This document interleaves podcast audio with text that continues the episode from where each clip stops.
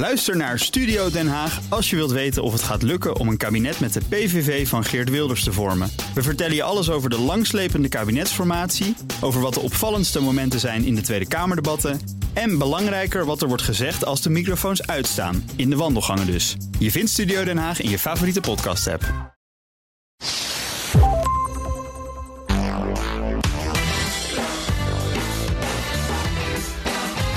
Welkom bij de Ben Tichelaar podcast bij BNR. De podcast over persoonlijk leiderschap. Met elke week tips en inzichten van zeer inspirerende gasten... die je helpen om je verder te ontwikkelen in je werk en de rest van je leven.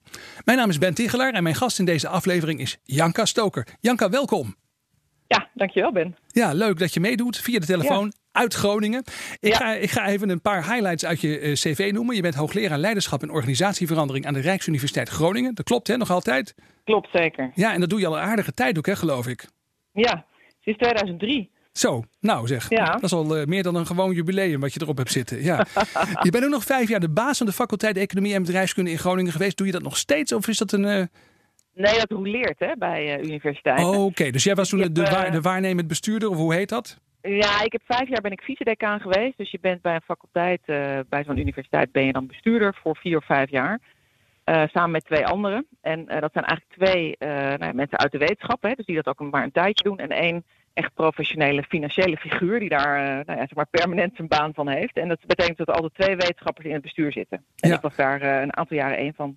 Wel leuk, want je bent dan tegelijkertijd ook eigenlijk leidinggevende. Je managt Ja. eigenlijk de faculteit. En als je dan toch over leiderschap en organisatieverandering eh, eh, ook onderzoek doet, dan kan ik me voorstellen dat dat een hele interessante kruisbestuiving is. Ja, dat was precies ook de reden waarom ik het ging doen hoor. Dus ik, eh, ik ben zelf ook lang organisatieadviseur geweest. En toen kreeg ik altijd de vraag, maar heb je zelf wel eens leiding gegeven? En dan vond ik het toch wat, dan zei ik wat besmuikt nee. Dus ik vond het heel erg fijn om gewoon eens een keer vijf jaar echt nou ja, met mijn met mijn, voeten in de klei te staan. En Ja. eh, eh, zelf te ervaren hoe het is. Leuk, nou, die relatie tussen wetenschap en praktijk, je gaf al aan, hè?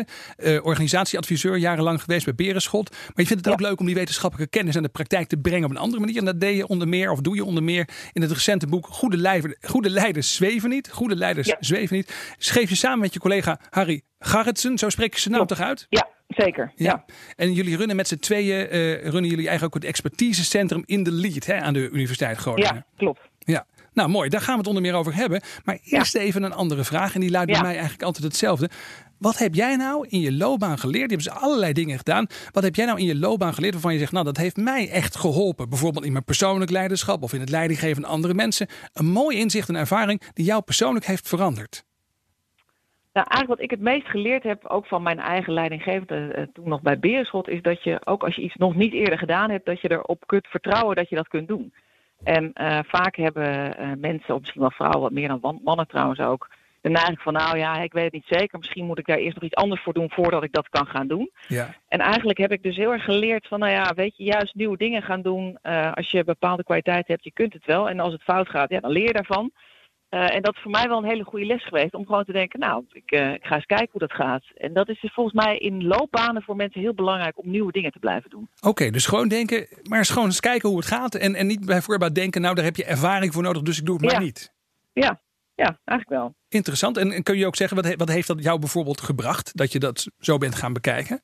Eh, nou, eigenlijk dat je dus misschien wel meer kunt dan je denkt. En ook dat je dus juist van nieuwe dingen doen het meeste leert. Hè? Dus eh, soms is het heel veilig om te denken van nou, goh, ik, ga, hè, ik kan dit nu goed, dus dat blijf ik doen.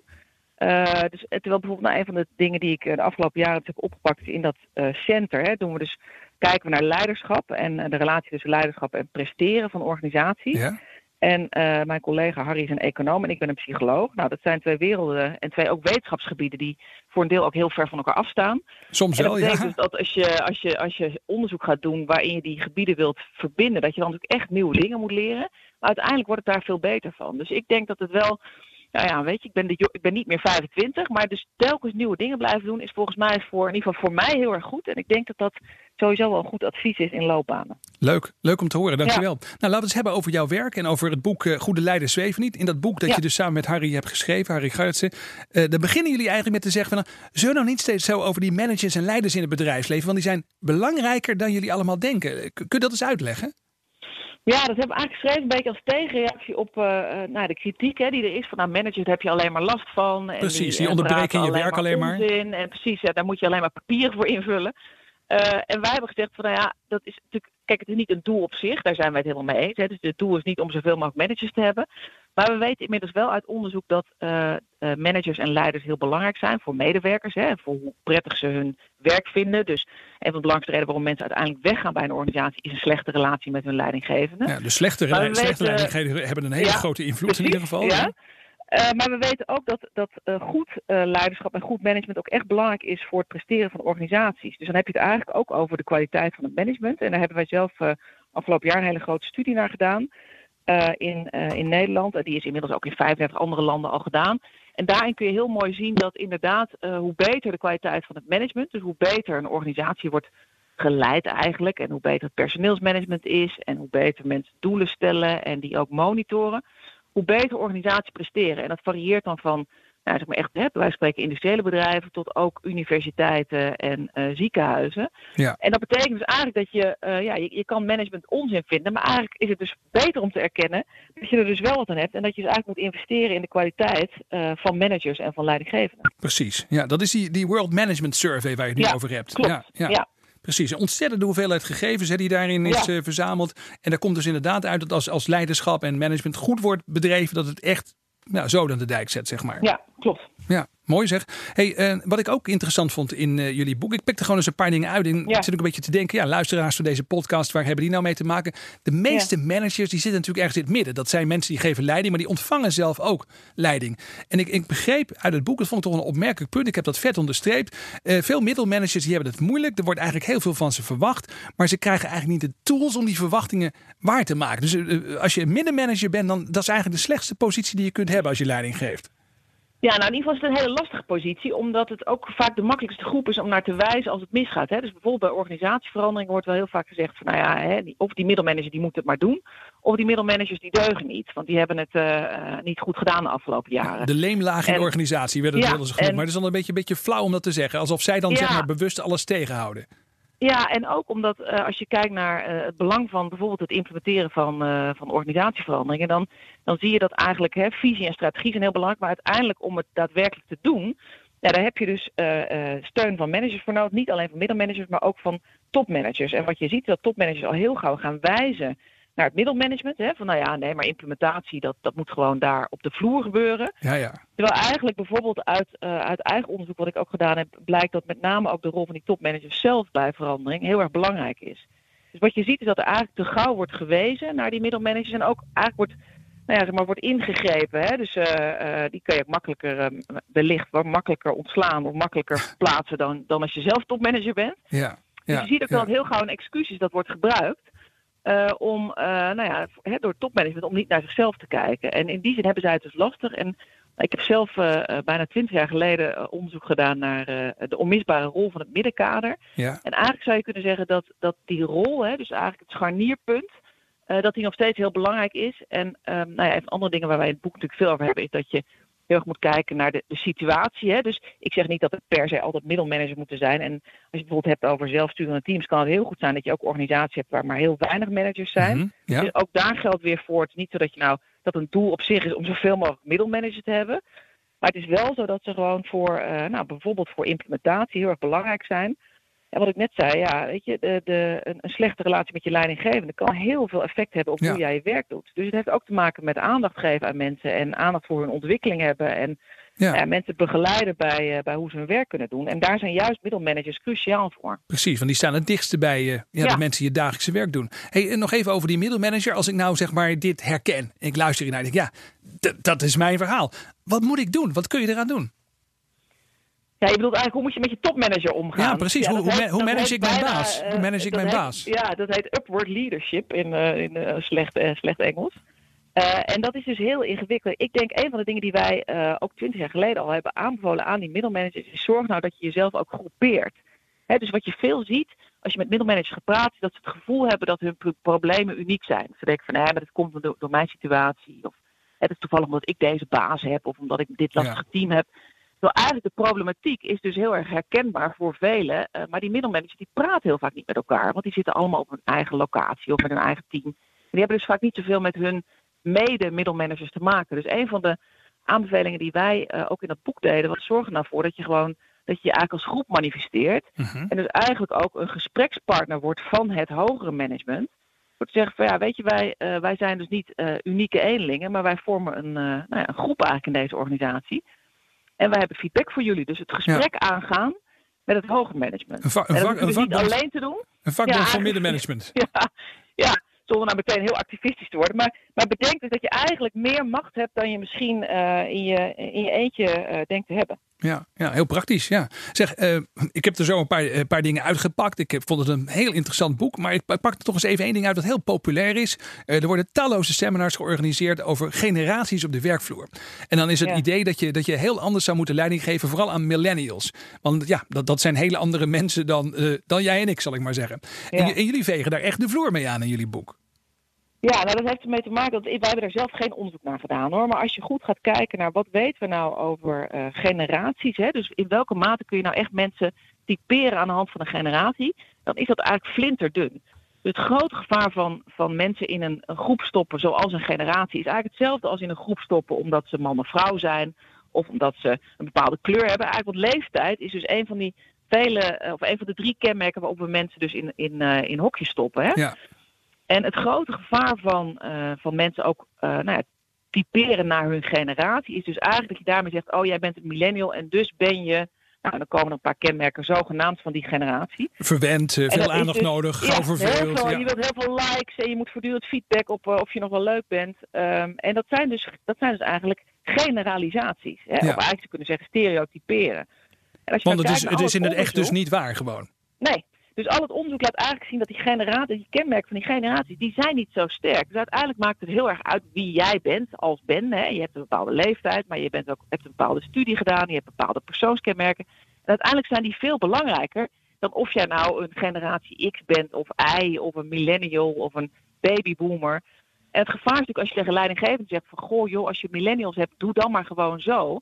Ja. Is dus eigenlijk dat je geen recht doet aan de individuele verschillen die binnen die groep natuurlijk veel groter zijn dan bijvoorbeeld tussen, nou ja, zeg maar de millennial en de generatie X eh, persoon. Ja, dat is een advies wat veel terugkomt in jullie boek. Hè? Dat je eigenlijk als leidinggever je echt moet verdiepen in die individuele verschillen. In die individuen die dan in je team zitten. En, en dan tellen al deze andere zaken, die tellen dus dan gewoon veel minder. Ja, en, en het kan natuurlijk uiteraard zijn dat je te maken hebt met iemand die zich wel heel erg laat kenmerken door wat we van millennials verwachten dat ze zijn. Maar voor hetzelfde geldt dus helemaal niet. Ja, En ja. eh, dat maakt, daar maakt het, het, het- dat maakt leidinggeven natuurlijk wel moeilijker. Hè? En dat snap, ik snap ook wel dat de, de, de hoofdboodschap van het boek is van nou ja, denk goed na met wie je te maken hebt, hè, in wat voor situatie. We noemen dat eigenlijk de context waarin je leiding geeft. ja. Dat is natuurlijk niet een hele sexy boodschap. Want ja, je kan, het is veel makkelijker om te zeggen, joh, weet je, vertel mij aan wie, je, wie jij moet leiding geven en ik zeg jou wat de drie beste tips zijn. ja precies. Ehm maar ja, uiteindelijk is leidinggeven dus net iets complexer dan dat. Ja, je moet het ook gewoon dus leuk vinden om je in mensen te verdiepen. In de mensen met wie je werkt. Ja, en dus eigenlijk ook nou ja, proberen om je stereotypes, hè, of het nou over mannen of vrouwen gaat of Ja. over leeftijd, om die dus opzij te zetten. Ja, over vrouwen gaan we het straks nog even hebben. Maar ik Ja. vond het ook heel interessant dat er veel onderzoek is gedaan. eh, waar, je, waar je aan refereert in het boek. Eh, dat gaat over leiding geven eh, in crisistijden. Dus hoe leiders eigenlijk reageren op een crisis. Jullie hebben uitgebreid gekeken naar hoe het leiderschap in organisaties ook is veranderd. na het uitbreken van de financiële crisis in 2008. Ja. En ik, ik begrijp dus dat je daar niet blij van werd. Nee, eigenlijk niet. Nou ja, het is, we, hebben, we, hebben, we laten zien dat, dat mensen, managers of leidinggevenden, hè, dus we noemen ze, we zijn, waren allemaal leidinggevenden in organisaties over de hele wereld. En we laten zien eigenlijk dat ze iets heel menselijk doen, namelijk op het moment dat er een eh, crisis is, en in dit geval was het dus de financiële crisis, eh, worden leiders directiever. En eh, dat betekent dus hè, dat ze meer controle naar zich toe gaan trekken, dat ze dichter op mensen gaan zitten. En eigenlijk is dat een hele menselijke re- reactie. Ja. Tegelijkertijd kun je je afvragen of dat nou in dat soort situaties ook de meest effectieve reactie is. Hè? En dan Mhm. hebben we het niet over dat er brand uitbreekt en dat iemand nu moet bepalen eh, wie eh, op welke manier eh, het pand uitgaat. Dat moet directief. ja, ja, precies. ja, dat is Ja. dus directief eigenlijk, maar hier gaat het ook wel om iets langer daarna. En je zou kunnen zeggen, nou, de, op het moment dat er dus een crisis is en je moet nadenken over hoe jij je organisatie nou ja, zeg maar, tegen die crisis ehm, kunt, kunt laten weren, Ja. dan heb je misschien juist wel veel meer innovatie en vernieuwing nodig. En dan is directief leiderschap nou niet de meest effectieve stijl. Hè? Nee. Want ja, als je mensen innovatief wil laten zijn, dan moet je ze vooral niet gaan vertellen wat ze moeten doen. Maar dan moet je ze ruimte geven om zelf met ideeën te komen. Ja, dat is interessant. Dus, dus eigenlijk in een crisistijd heb je creativiteit nodig. En, en dat, dat draai je juist de nek om door een directieve manier van leiding geven. Ja, dus eigenlijk zie je dat wat, wat leiders doen heel uh, logisch is misschien. En ook heel menselijk. Dus je kunt ze eigenlijk ook niet kwalijk nemen. Want je denkt dus, oh jee, hè, we hebben nu een bedreiging. Ik moet zeker weten dat het goed gaat. Dus laat mij het maar doen. Of laat mij maar bepalen wat we moeten doen. Uh, en dat kan op korte termijn dus ook wel een hele effectieve strategie zijn. Maar de vraag is dus heel erg, is dat op de lange termijn, gegeven de uitdagingen die je hebt, is dat nou wel de meest effectieve stijl? En dat, nou, dat laatste kunnen we nog niet aantonen. Dus dat is echt iets waar we mee doorgaan. We zijn nu ook wel aan het kijken, dat is wel heel leuk, ook naar, uh, naar eenzelfde uh, onderwerp, namelijk de brexit. Dus hoe okay. reageren leiders op de brexit? En dan vooral natuurlijk in, nou ja, in het Verenigd Koninkrijk. Hè? Grappig, doe je dat vanuit Groningen? Doe je dat met collega's in de UK? Hoe werkt zoiets? Ja, ja, wij werken samen met een groot adviesbureau die die dataset heeft. En die heeft okay. ook allerlei data van Engelse managers. En uh, nou, je ziet natuurlijk dat die brexit, dat er nu heel veel onderzoek wordt gedaan. En dit is ook wel heel leuk, want het, het is eigenlijk dezelfde vraag. Hè? Wat doen managers nou op het moment dat er zo'n dreiging is? En in dit geval is het echt alleen nog maar een dreiging, want ze zijn er nog niet uit. Maar we nee. zien dus zelfs nu al dat er effecten zijn van die brexit op hoe leiders zich gedragen. Dus dat is echt een En zie je dan uh, weer hetzelfde effect? Onderwerp. Zie je dan weer hetzelfde effect? Ah, ja, zonder nou al te veel, uh, want we moeten nog. Maar we zien, we, het lijkt op dat we inderdaad zien dat ze opnieuw uh, directief worden. En ook als je dat bijvoorbeeld vergelijkt met andere landen. Hè, want we kunnen het natuurlijk heel mooi vergelijken ja. met andere Europese landen waar die brexit geen, nou ja, weet je, die heeft daar geen effect. En alleen in Engeland zien we dus wel weer zo'n effect. Dus het is wel, nou ja, het is wel heel intrigerend om te zien van wat doen dat soort situaties nou met leiders. En of je het nou leuk vindt of niet. Hè? Leiders reageren op. Maar als we dan vervolgens gaan bedenken van is dat nou eigenlijk wat we willen dat onze leiders doen. Ja.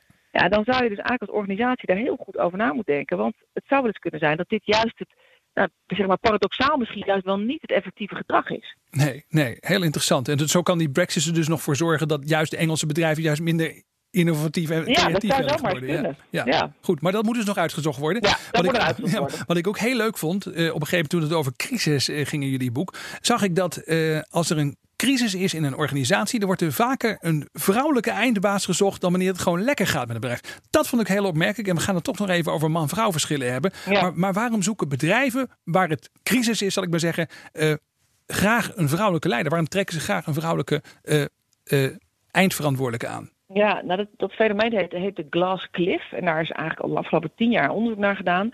En eigenlijk uh, blijkt wat er gebeurt op het moment dat het heel erg slecht gaat, dan moeten we dus uh, een, een, teken geven van verandering. Hè? En een van de dingen die je dus dan kan doen, is door een vrouw te benoemen. Door te okay. denken, nou, we gaan, hè, zie je, het geeft dan dus een signaal naar de buitenwereld. Kijk eens, wij doen, we gaan nu echt. Laten we schrik doen. Laten we schrik dus dat doen. is de ene ja. reden.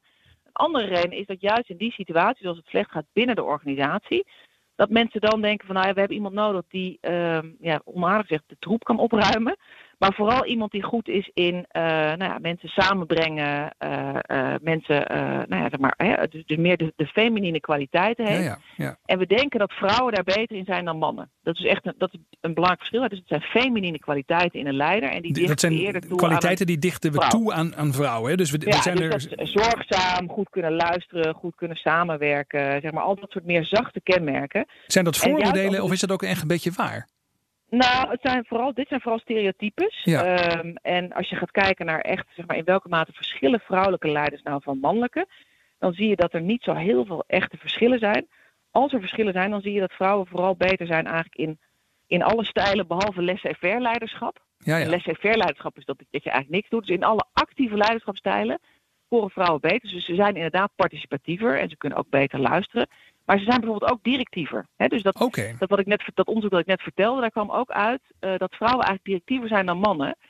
En de verklaring daarvoor is dat, ze dus niet, dat er dus niet zo heel veel natuurlijke verschillen zijn tussen mannen en vrouwen. Maar eigenlijk dat vrouwen vaak betere leiders moeten zijn. Hè? Dus sowieso over meer leiderschapsgedrag beschikken dan mannen voordat we ze eh, nou ja, benoemen als leider. En dat heeft weer alles te maken met het beeld van, het, van hoe we naar een stereotyp goede leider kijken. Ja, dat moet een dan beetje een krachtdadig figuur zijn. Ja. Ja, krachtdadig. Ja, dus eh, vrouwen hebben het vaak, ja. precies. Vrouwen hebben- vaak hebben het iets moeilijker, terwijl bij mannen denken, oh, weet je, die ziet eruit als een man, dus die zal, al- zal ook wel heel krachtdadig en dominant zijn. En dat dichten wij dus eerder aan die man toe. En we willen ook dat een leider zo is. ja.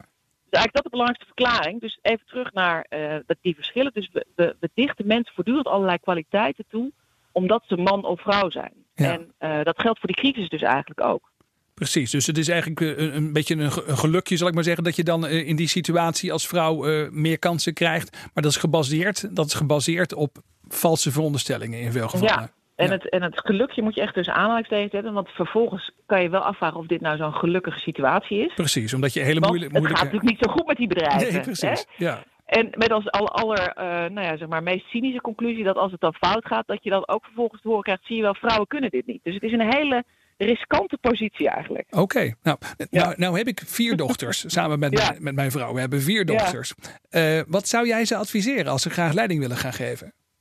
Uh, nou, doe dat vooral. Hè. Dus wat je ziet, dat organisaties uh, steeds meer zich realiseren dat er heel veel kwaliteit bij vrouwen zit. En dat ze dus ook zich realiseren dat ze daar meer hun best voor moeten doen vanwege al die stereotypes. Hè, dus je moet eigenlijk vrouwen dus meer kansen geven om, om manager te worden.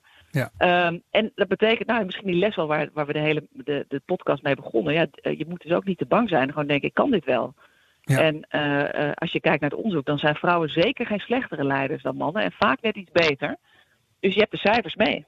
Ja, oké. Dus uh, als je een HR-afdeling hebt of een bedrijf waar ze in ieder geval zich een beetje met onderzoek bezighouden en een beetje volgen wat er wordt gepubliceerd, dan hebben ze dit door, dan weten ze dit ook. Ja, ja.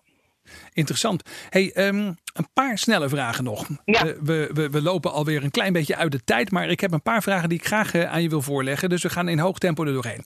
Uh, jij houdt je bezig met onderzoek, maar op het terrein van leiderschap zijn natuurlijk ontzettend veel mythes. Wat is nou een mythe, een hardnekkige mythe waar mensen heel graag in geloven, waarvan je zegt, jongens, vergeet dat nou, dat klopt niet? Het zijn eigenlijk al die typologiemodellen. He, dus je hebt bijvoorbeeld de MBTI, dat is dan een soort van persoonlijkheidstypologie. En je Ja. hebt de situationele leiderschapstheorie, dat er vier soorten medewerkers zijn en dat die vier soorten leiderschap nodig hebben. Eigenlijk zijn dus al dat soort modellen, die zijn allemaal niet empirisch ondersteund. Dus daar is veel onderzoek naar gedaan en eigenlijk laten al die studies zien, zo werkt het niet. Dus ehm, op het moment dat jij naar cursussen gaat waarin ze je leren van goh, er zijn zoveel type mensen of er zijn zoveel eh, type medewerkers, dan moet je eigenlijk een beetje achter de oren krabben en denken, hmm, hebben deze mensen wel echt goed onderzocht of het in de, in de werkelijkheid ook echt zo is? Oké, dat is echt heel interessant. Ook vind het interessant dat je dat ook noemt met opzicht ten opzichte van eh, eh, dat situationeel leiderschap. Wat ik me daarvan Ja, her- herinner, dat is een Ja? soort fasemodel. hè. De mensen in het begin Ja, zijn dat ze nog een beetje beginners en daarna worden ze gevorderd. En, en dan moet je anders leiding aan geven. Maar ik, dat leek me altijd zo logisch dat een beginnende Nou eh, medewerker dat die andere manier van leiding geven nodig heeft dan een gevorderde. Dat klopt, maar wat het grote gevaar daarvan is dat je dus alleen maar kijkt naar. eh, dus het is eigenlijk weer een soort stereotype model. Oké, Dus de gedachte bijvoorbeeld was dat mensen die beginnen, dat die heel veel taakgericht of heel veel directief leiderschap nodig hebben en heel weinig ondersteunend leiderschap. oké, ja. En die gedachte, die wordt door geen enkel onderzoek gesteund. Want Oh, je dat moet is heel juist boeiend, dat, ja. dat ondersteunende leiderschap is juist voor mensen die beginnen en onzeker zijn, is dat dus heel belangrijk. Dus er zitten een aantal aannames in dat model die niet kloppen. En daarnaast is het zo dat, en dat, daar hebben we het natuurlijk net al eerder over gehad, er zijn natuurlijk meer kenmerken die maken dat een medewerker nou ja, behoefte heeft aan een bepaald soort leiderschap. Dus het is eigenlijk een te simplistisch model. ja. Zou, zou je dat dan vinden zeggen... managers soms wel fijn, maar ja. Ja. het is- het- je hebt er dus niet zoveel aan. Ja, precies. Nou, even dan een vraag. Dan ben ik leidinggevende. Dan heb ik al die modellen gehoord. En ik dacht altijd dat is hartstikke nuttig. Want dan weet ik dat iemand is oranje of hij is blauw. Of hij wordt in zo'n Ja. kleurtje ingedeeld. Of het is een beginner of het is een gevorderde. Maar wat moet ik dan doen? Moet ik gewoon naar iemand toe gaan en zeggen... joh, welke leiding heb jij van mij nodig? Is dat dan wat ik moet vragen? Want dat weten mensen natuurlijk vaak ook zelf niet. Nee, maar dat is dus wel precies een hele goede vraag, Ben. Dus, dus een van de dingen die ik wel heel interessant vind, is dat mensen heel weinig, leiders heel weinig aan medewerkers vragen: hoe kan ik jou nou ondersteunen? Ja. En ehm, dat die vraag kan dus tot verschillende antwoorden leiden, gegeven dat er verschillende medewerkers zijn. En als je dus op die manier gaat opstellen en gaat luisteren naar de ander en zegt van goh, wat, weet je, wat helpt jou nou als ik hier ben omdat ik ook voor een deel ervoor moet zorgen dat jij het goed doet? Wat helpt jou dan? Ja. Eh, dat, zou, dat is natuurlijk een heel mooi begin om in ieder geval een soort van dialoog aan te gaan. Over, goh, hoe functioneer jij en hoe functioneer ik? Maar dat is natuurlijk ook wel, ja, dat is best wel een stap. ja, best wel even spannend. En ook, Ja. denk ik, misschien heel veel leidinggevenden... dat gaat ook heel veel tijd kosten. Ja, ja. Eh, ja, maar het is misschien wel effectiever dan een soort van stijl op iemand uitproberen en alsmaar denken, hé, hey, en toch doet hij niet wat ik wil. Ja, precies. Dat kost ook heel erg veel tijd en levert ook niet de resultaten op die je wilt. Nee, heel Nee. helder. Zeg, de laatste vraag die ik heb is altijd een verrassing, ook voor mij. Ik heb hier 15 verrassende Ja. vragen. Die zitten in genummerde enveloppen. En de vraag is of jij een cijfer wilt noemen van 1 tot en met 15, eh, waarvan je zegt, nou doe me die vraag maar. Doe maar maar vraag nummer 8. Vraag nummer 8. Ik ga eens even kijken. Hè? Ja, oké, ja. Is er iemand tegen wie je echt opkijkt? Een schrijver, politicus, denker, popartiest, misschien, misschien wel een leider in jouw geval. Iemand tegen wie je echt opkijkt. Nou, ik was met jou, Ben, bij Obama.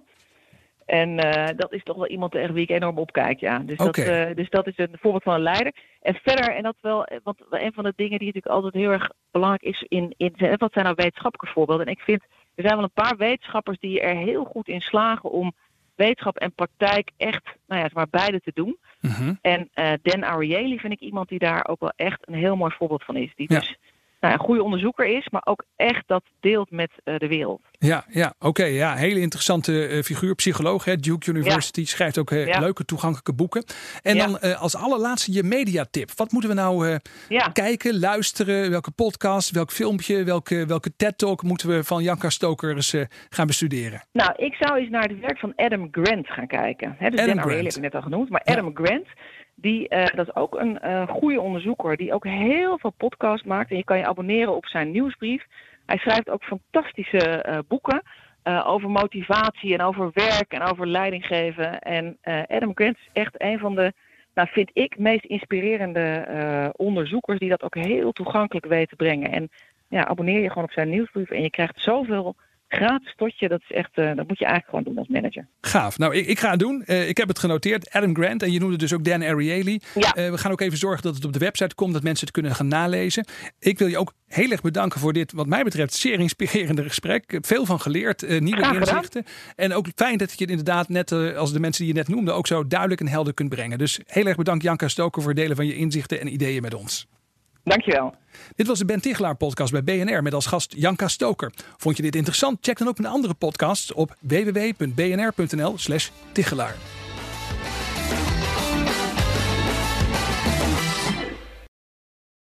Ook Harm Edens vind je in de BNR-app. Je kunt BNR Duurzaam niet alleen live luisteren in de app, maar ook terugluisteren als podcast, zoals al onze podcasts. En naast dat de BNR-app Breaking News meldt, houden we je ook op de hoogte van het laatste zakelijke nieuws. Download nu de gratis BNR-app en blijf scherp.